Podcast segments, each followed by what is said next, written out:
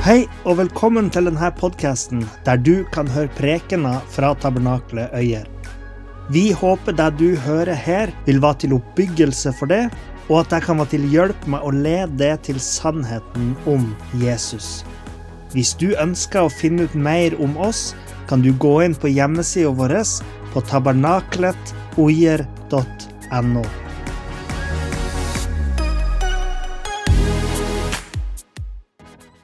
Ja, vi er samla i Jesu navn, og det er alltid gildt. Så skal vi be før vi går videre i møtet i kveld. Kjære himmelske Far. Takk fordi du er her hos oss, midt iblant oss. Fordi du bor ved troen i vårt hjerte. Og ditt ord er sannhet. Herre, hjelp meg å formidle ditt ord til velsignelse og til etterfølgelse. I Jesu navn. Amen.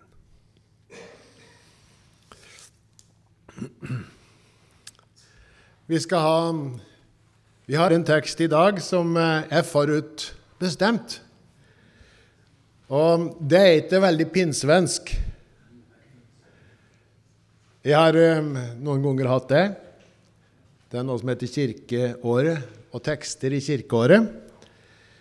Og den første gangen jeg skulle tåle over kirkeårets tekst, det var i Nairobi. På et, en gudstjeneste der på norskeskolen. For Misjonssambandet var det som hadde skolen der, så vi var der, hadde ungene våre der. Og da fikk jeg en tekst jeg var nå ung da, nesten som nå, eller kanskje litt yngre. Så fikk jeg teksten 'Maria buskapsdag'.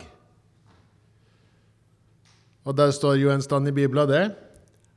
Jeg tenkte i kjære i all verdens land og rike skal jeg si om noe slik? Det var jo helt, helt håpløst å tenke på at jeg skulle si noe om Maria buskapsdag i en andakt.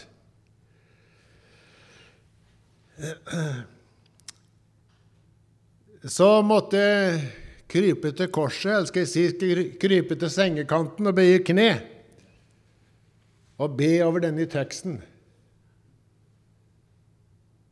Og det er jo alltid spennende, det å be. Og ingenting skjedde for det.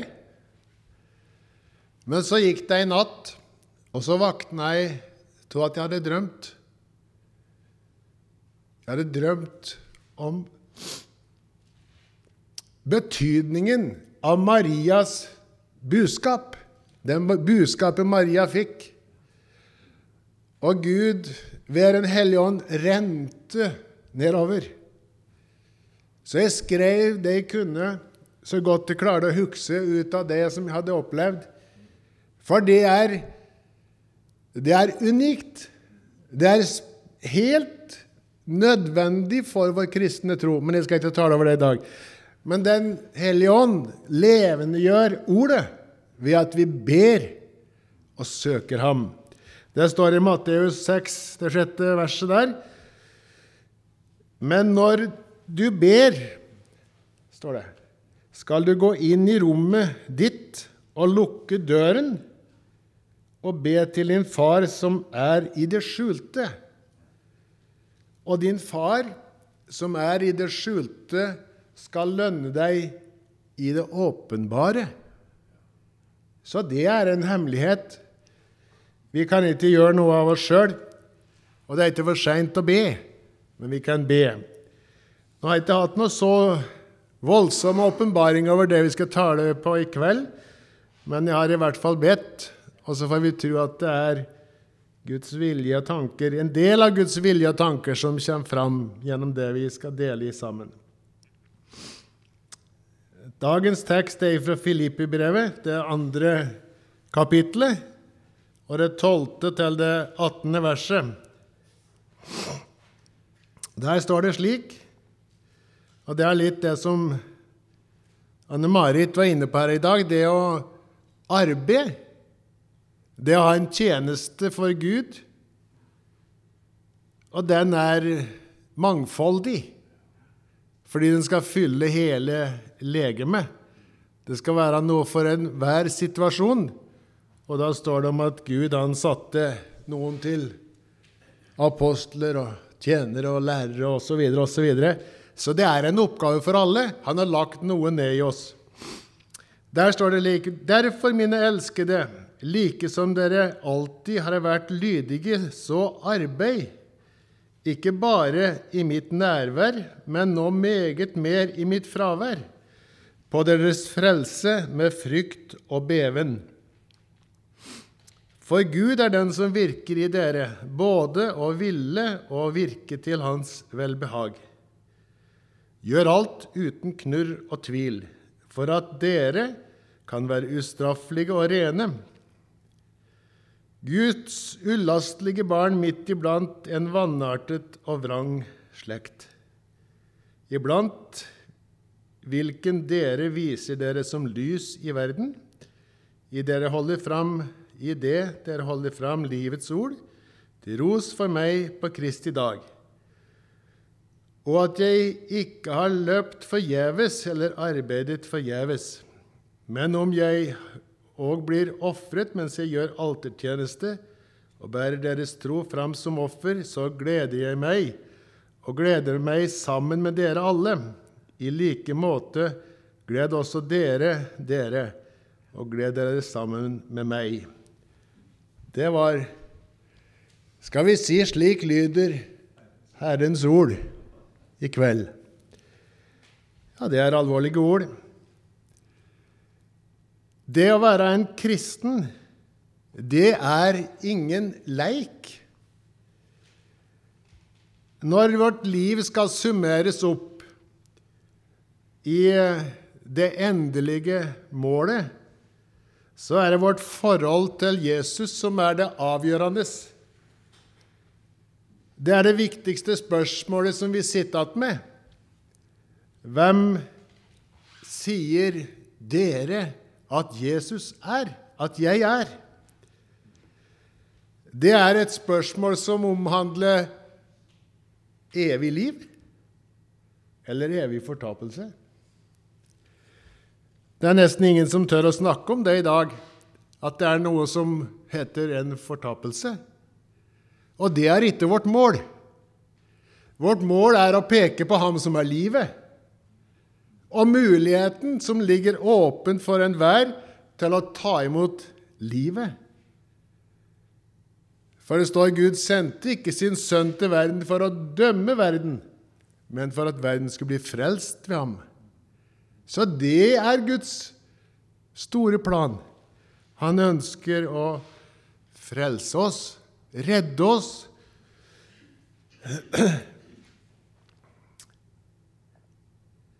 Hva er det å være en kristen? Hvis det stilles spørsmålet her.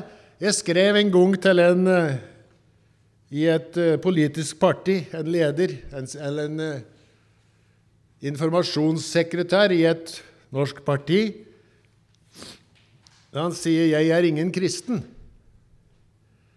Og så hadde han sett på det ytre hos mange kristne. Og så hadde han funnet ut at han var ingen kristen. Og han ville ikke være en kristen. Fordi han så på budsendingene, så skrev jeg at han ukse. Og så fortalte jeg om hva det vil si å være en kristen. Og hva vil du si? Jo, å være en kristen er å ha kommet inn på veien. Og veien, det er Jesus. Jesus sier, 'Jeg er veien, sannheten og livet'. Ingen kommer til Faderen uten ved meg. Så jeg fikk et takkebrev av denne politiske mannen. Han hadde ikke hørt om det slik jeg skrev ikke bare det her, da, men jeg skrev jo litt mer. Men det å være en kristen, det er å komme inn på veien. Og det er ingenting mer, egentlig. Men det er noe med å gå på veien.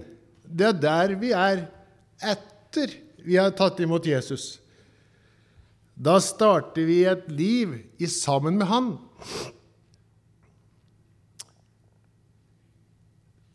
Det å gå på veien, det er å tro på Jesus. Og når vi er på vei til himmelen, så er det Guds mål for oss som Han har forberedt i herlighet. Der det ikke er verken synd, sjukdom, plager, baktalelse, ondskap Ingenting. Der er alt bare herlig. Jeg tenkte på et veldig enkelt bilde når jeg tenkte på Guds himmel. Hvis vi har et rent mjølkeglass med kald, god mjølk Det er noe av det beste jeg vet. Jeg kan drikke mange glass. Og så er det noen som slipper oppi en uh, geitelort, og så er hele mjølkeglasset ødelagt. Det er bare en liten, en liten dupp, og så er det ødelagt. Det er ingen som vil drikke det. Og slik er det òg med Guds himmel. Om det kommer en liten del av synd inn i Guds himmel, så er det ikke lenger fullkomment. Derfor må vi bli rensa rene før vi kommer inn i himmelen. Vi må få del i en, den herlighet som Gud har. Den fullkommenhet som Gud har. Og det er ingen av oss som oppnår den fullkommenhet av oss sjøl. En sa det til meg her om dagen når vi kom inn på slike ting. Jeg, har, jeg prøver å klare meg sjøl, sa han. Ja, det er mange som gjør det. Men jeg klarer det ikke meg sjøl, sa jeg ved han. Derfor så måtte jeg ha en til å redde meg. Og det er den store forskjellen. Det å prestere noen ting innenfor Guds åsyn, det holder ikke. Alle religioner uten den kristne tro har en prestasjonsreligion. De vet ikke hva de skal gjøre for å berge seg innenfor Guds åsyn. De kjemper for det. Kanskje kjemper de hardere enn vi. Ja, de gjør det. For vi trenger ikke kjempe. Vi kan si 'Takk, Jesus, at du frelster meg'. Og så får vi del i hans fullkommenhet. Det er ingen av oss som er fullkomne. Vi trenger en til å gjøre oss fullkomne. Vi trenger å dø, faktisk. Det er derfor vi overgir oss til ham. Vi sier det. Det er ikke bare en hyggelig opplevelse i en god atmosfære å være en kristen. Men det er et spørsmål om liv og død. Og den som blir stilt på valg om å følge Jesus, opplever motstand i sin ånd. Ei som sa det 'Jeg kjenner det er slik en motstand', sa hun. Hun sto på valg mellom det å akseptere, ta imot Jesus som frelser, og bekjenne hans navn. Alle dem som tok imot ham, dem gav han rett til å bli Guds barn, de som tror på hans navn. Og så står det i hjertet tror vi til rettferdighet. Og med munnen vår den har en funksjon. Der bekjenner vi hvem vi tror på, hvem Jesus er. Det er nødvendig. Vi må faktisk bekjenne hvem vi tror på. Si det ut. Det kan eh, være mange måter hvor det skjer på. Men den som blir født på nytt ved å ta imot Jesus, kjenner trangen etter å vitne om det som bor i ens hjerte. Det, det, det blir noe der som en må dele ut. Det er naturlig. Det nye livet har kommet fram. Vi må bli født på nytt. Ikke av oss sjøl, for i oss sjøl så er vi mennesker. Kjøtt og blod. Ufullkomne. Men når vi blir født på nytt, da er vi født av Guds ånd. Det står i Johannes eh, 3, kapittel 3. Den nye fødsel er av Den hellige ånd. Og så står det i Johannes 3, 5. Det er kanskje noen som vil protestere. Men der står det dere skal bli født, må bli født av vann og ånd. Og uten det så kan dere ikke komme inn i Guds rike. Min forståelse av det er ikke dåpen, men det er ordet. Det er ordet om Kristus. Det er ord som han har talt, og han er oppfyllelsen av ordet. I begynnelsen var Gud, eller var ordet, og ordet var Gud. Det er vannet og ordet. Slik forstår jeg at det er den nye fødsel. Vannet er ordet, og ånden er Guds ånd som flytter inn i vårt hjerte. Det er ikke noe fysisk element som i det ytre kan gi oss frelse. Det finnes ingen slike. Da er vi kommet over på en annen linje, et annet evangelium, slik jeg forstår det. For det er ved troen på ham at vi blir frelst, og ved å ta imot ham. Vi må se det han sier der i Johannes 3, 5, i sammenheng med det som han sier i Johannes 15, 3. Der står det slik Dere er alt rene på grunn av det ord som jeg har talt til dere. Det er altså ikke dåpen som gjør oss rene, men det er ordet om ham. Det er ikke mange veier til frelse. Frelsesveien er å ta inn ordet og tro ham som har gitt sitt liv for oss. Han er ordet. Hvis det ikke var slik, så ville røveren på korset ikke vært i himmelen. For han rakk ikke noen dåpshandling. Dåpen frelser ingen. Det er ikke alle som mener at det er slik, men jeg tror det er slik. Dåpen frelser ingen. Verken barn eller voksne. Men den kommer i etterfølgelsen av frelsen. I det du tar imot den nye fødsel og bestemmer deg for å gå sammen med Han, da lar du deg begrave sammen med ham. Da dør du sammen med han. Og så sier vi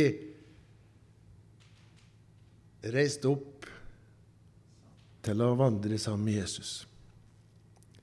Ja. Det er ikke akkurat det taksten her handler om, men det har en sammenheng. Når, vi, når i min ungdom Når vi hadde dåpshandlinger på lokalet, så sang vi en, en sangstrofe. Vi vil følge deg, vi vil følge deg.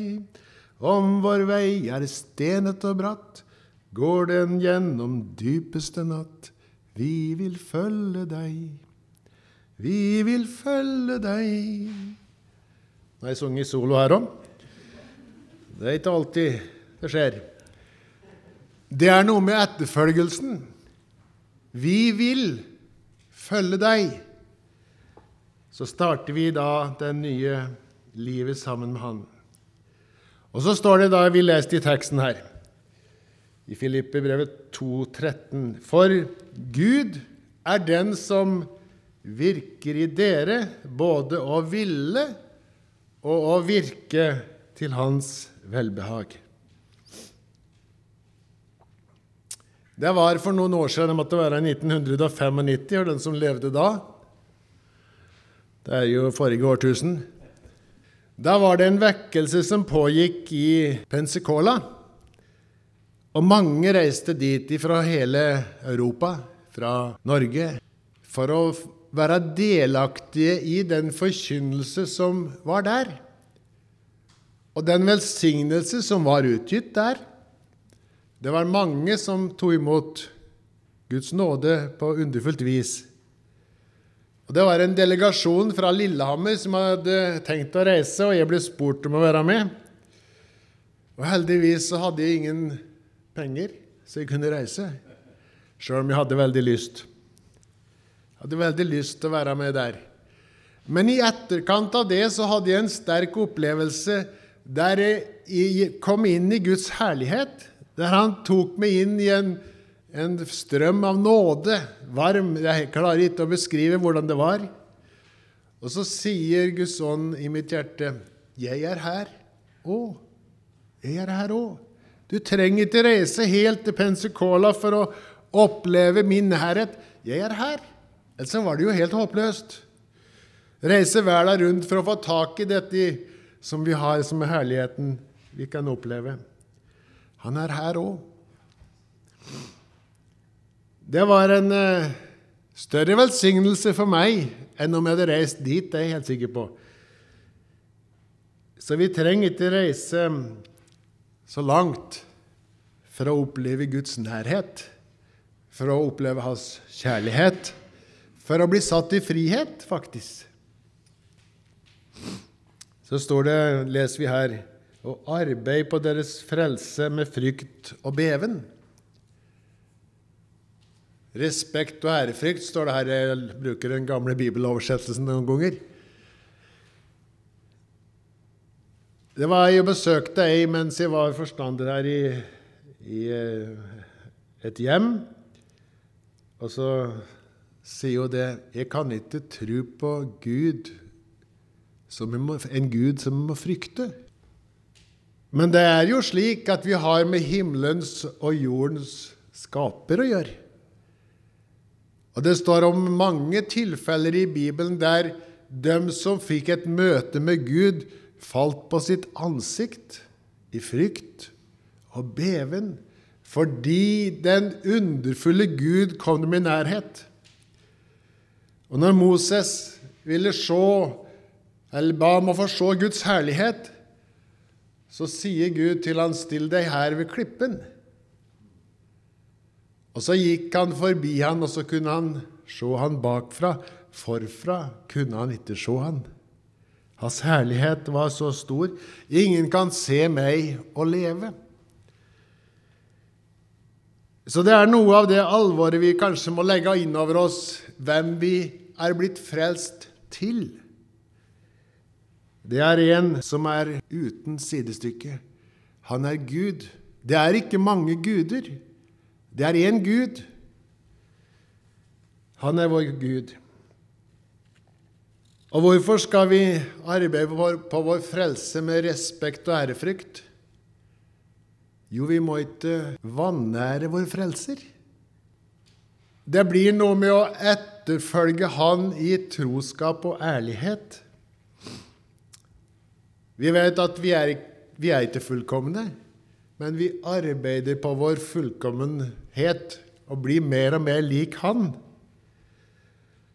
For vi har fått denne skatten som vi har gjemt i et leirkar. Det er noen sprekker i karet vårt, men gjennom de sprekkene så kan i hvert fall Guds lys få lyse ut, Jesu lys prøve å bli rettferdige. Rettferdige ikke i oss sjøl, men å etterleve i den rettferdighet som Gud har gitt oss. For det har noe med vår livsførsel å gjøre. Er det noen ting som eh, plager meg, så er det når noen av de som er troende på Jesus, når de faller. Og så blir det en hånliggjøring av det som vi tror på, av ham vi tror på. Fordi de sier at eh, Ja, se der. Ikke noe bedre dem enn vi. Dette skulle aldri ha skjedd. Og så blir dommen desto hardere. Vi har, vi har en um, skatt i vårt leirkar, men det er viktig at vi arbeider på vår frelse. Vær årvåkne, har jeg skrevet her, at for at eh, det ikke skal falle ned i grøfter. Det er grøfter på begge sider av veien. Vi skal prøve å helle oss midt på veien. Det er noen som blir så egenrettferdige at de nesten ikke klarer å leve. Det var eh, Jeg, jeg kjenner folk som har tatt dette her så alvorlig at nesten det å finne en blyant på veien og ta den opp uten at den er din, så får de sjelekvaler. Det er noe med å Det står det i Forkynneren 7,16.: Vær ikke altfor rettferdige, står det, så du tar skade på din sjel. Så, eller skade på Det står her. Jeg vil lese, det som står. Eh, deg, ikke, vær ikke altfor rettferdig, og vis deg ikke altfor klok. Hvorfor skal du ødelegge deg selv? Så det er å finne en balansegang. Men vi arbeider på vår frelse. Vi er eh, trolovet med Kristus. Det er en eh, hellig handling. Tenk å bli bortlova til den levende, sanne Gud. Vi har jo, mange av oss, opplevd det å, å finne en ektefelle. Og så er det en periode der vi var sammen før vi ble ektefolk. Og da var det ingen som kom i skyggen av den vi skulle gifte oss med. Det var den ypperste. Det var den som vi helt høyt i ære. Og som en sa, du sier ikke noe vondt om vedkommende. Nei, for det, den personen sto så høyt i kurs. Sånn er det med oss når vi når vi har uh, fått Jesus som frelser, vi sier ingenting galt om han. Vi prøver å leve i lyset i sammen med han. Så har jeg tenkt på dette her med troen. Er det en privat, privatsak? Nei, det er ingen privatsak. Troen som vi har, prøves og dekkes over, slik at vi skal holde den for oss sjøl. Det er politisk. Vi hører ikke en politiker nesten som sier at de eh, tror på Gud eller tror på Jesus. Nei, det er en privatsak. Nei, det er ingen privatsak. Jesus sier, Når han forlater sine disipler, så sier han 'gå derfor ut i all verden og forkynn evangeliet'. Gå ut og forkynn. Det er noe som vi skal få være med å formidle. Men det er en personlig sak. Men det er helt noe annet. For en privatsak den lukker vi inni oss sjøl. Men at det er en personlig sak, det er mitt forhold til han. Men når jeg gifta meg, så sa jeg det til alle at jeg gifta meg med Guneva. Det var ingen hemmelighet. Det var ingen privatsak, slik at de kunne flakse rundt med alt og alle andre ellers. Nei, det var offentlig. Og slik er det òg med vår tro på Jesus det er en offentlig sak. Vi er født inn i et nytt levende eller et nytt liv sammen med Han.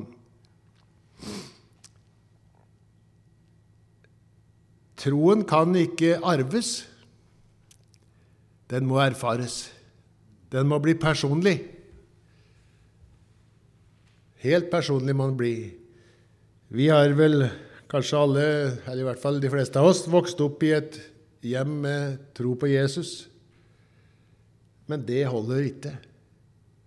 Om vi har gått her i menigheten eller andre menigheter inntil jeg er blitt grå i håret, litt hatt hår, så hjelper det oss ingenting uten at vi tar imot Han som vår egen personlige frelser. Den er personlig, Troen er personlig. Og da kan alle se hva vi har. Eh, noen ganger så prøver den vonde oss å hindre oss og gi oss eh, frykt for å dele hvem vi har, hvem vi har tatt imot, og gjøre litt narr av oss. Men hvis du står på din tro og din eh, bekjennelse, så får folk veldig respekt for det. De eh, vil òg komme til deg den dagen de sjøl er i et behov. Troen kommer av forkynnelsen, står det i Romerne 10, 17. Og bu, eh, av det budskapet en hører, og budskapet kommer av Kristi ord. Det er noe vi deler. Så får vi overgi det til de andre. Og de får ta imot det på samme måte som vi. Etterfølge. Så sier Jesus i Johannes 8, 12, 'Jeg er verdens lys', han. Ja, det er vel ingen som tviler på det. Jeg har faktisk nesten aldri jeg tror ikke jeg har hørt noen ha sagt noe galt om Jesus. Han er et eksempel til etterfølgelse. Men ikke bare det. Han er vårt lys. Han er den som opplyser hvert et menneskesinn. Men så sier han videre i Matteus 5, 14, i en annen sammenheng Der overfører han sitt lys til oss. Og så sier han, 'Dere er verdens lys'. Fordi han flytter inn i oss, så får vi hans oppgave. Han har reist ifra oss for å sende sin ånd inn i vårt liv, slik at vi kunne få lyse for Han. Dere er verdens lys. Altså, jeg er verdens lys, og du er verdens lys. Og Det er der Jesus sier og tar denne sammenligningen at ingen en, eller, det er ingen som setter et lys under en skjeppe eller under et kar. Men de setter det i en lysestake, så alle skal se at det lyser. Og det er vår oppgave. Og Det nærmere vi kommer til Jesus, til mer glad blir vi for å vise fram lyset. Det blir naturlig for oss. Og det er så naturlig å lyse for Jesus, og han sammenligner også med en by som er oppe på et fjell, den alle kan se. Det er helt naturlig å vise frem hvem du er. Derfor er det viktig for oss å leve i livet verdig for Han.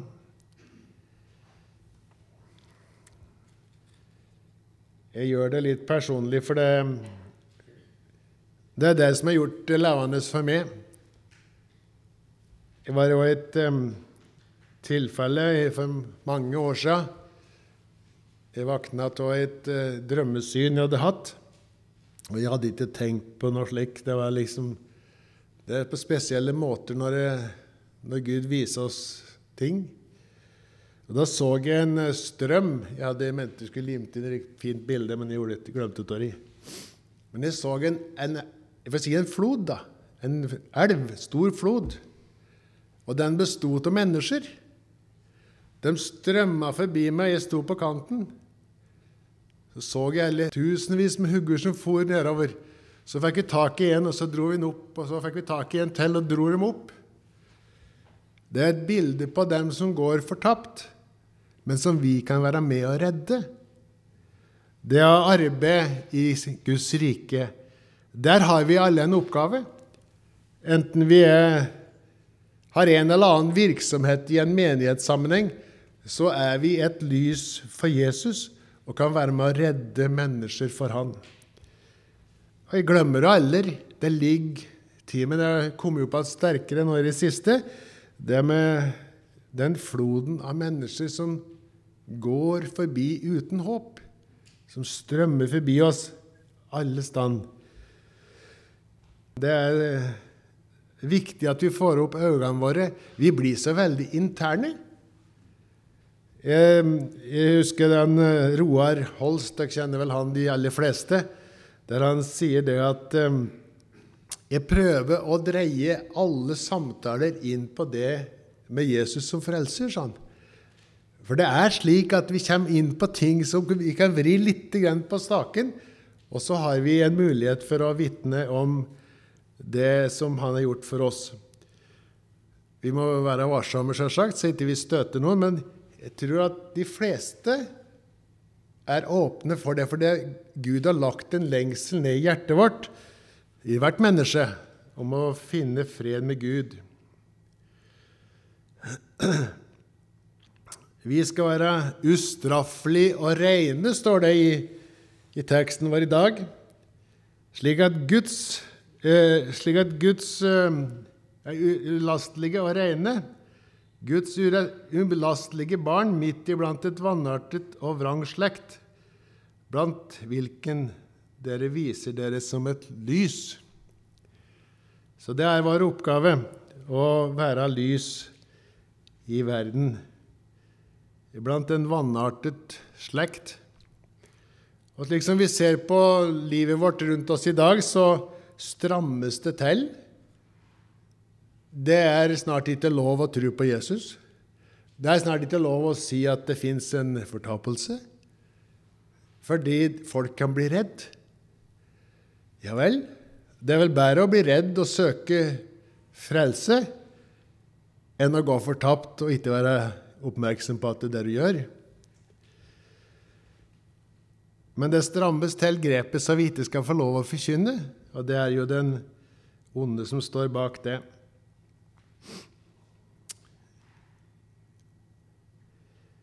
Vi kan ikke frelse noen. Jeg kan ikke frelse noen, men kan vitne om Han som er lyset.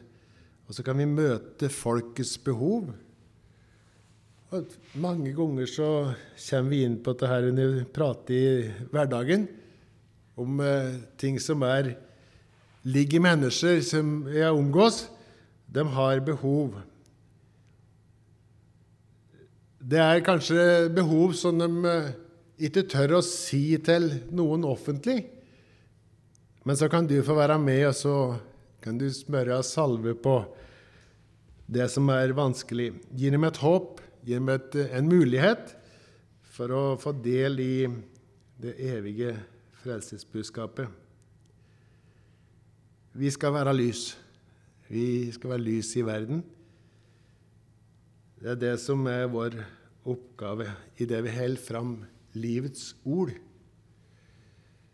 Jeg husker like etter jeg begynte å reise, eller etter jeg blitt forstander her, så reiste jeg til Oslo, satt i hop med en vilt fremmed kar og leste i ei bok. Og så kom vi prat om frelsen og Jesus og alt. Det var, nat det var naturlig. Jeg kjente det. Jeg måtte få dele det. Og han eh, tok imot det.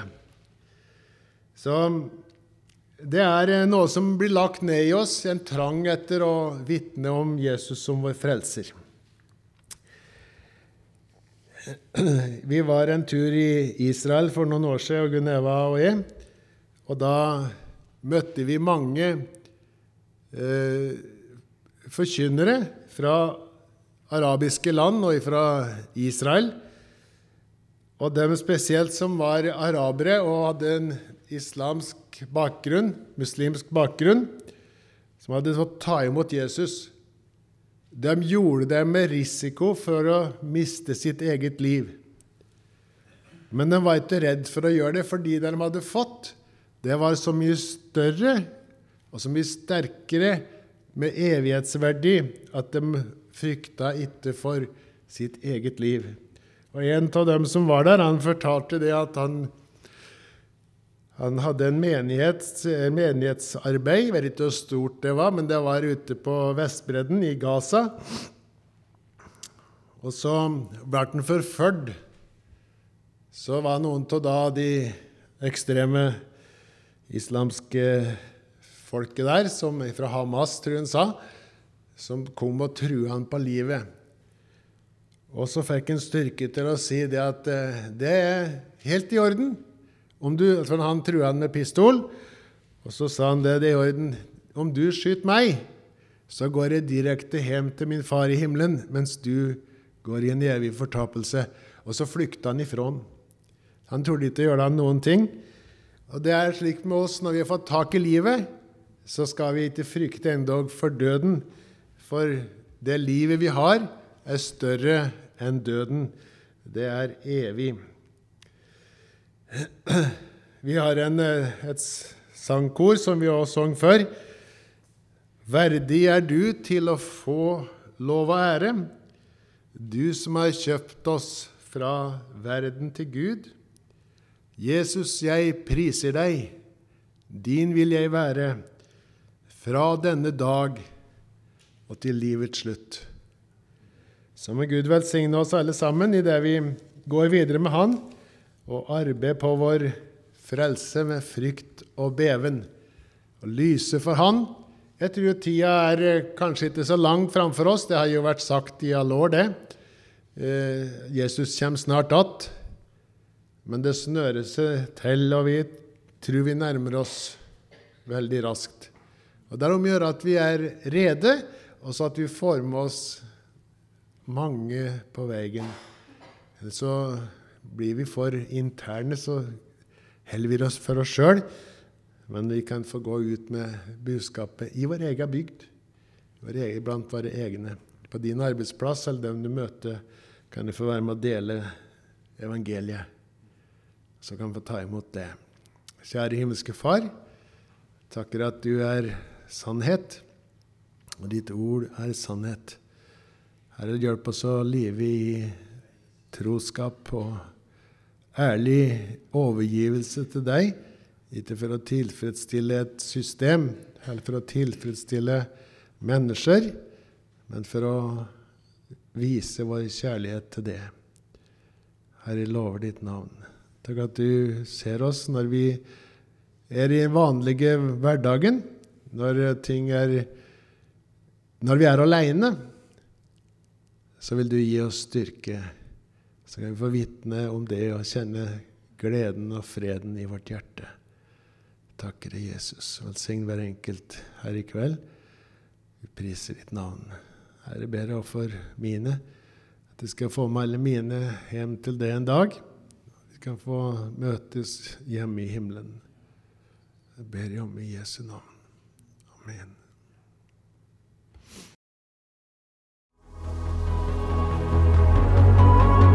Takk for at du hørte på. Hvis du tok et steg i tro i dag, eller du har noe du ønsker forbønn for, så vil vi gjerne høre ifra det via e-postadressen kontaktalfakrølltabernakletoier.no. Du er òg velkommen til våre ukentlige gudstjenester i menighetslokalet i Haugskutua 5 26 36 Øyer.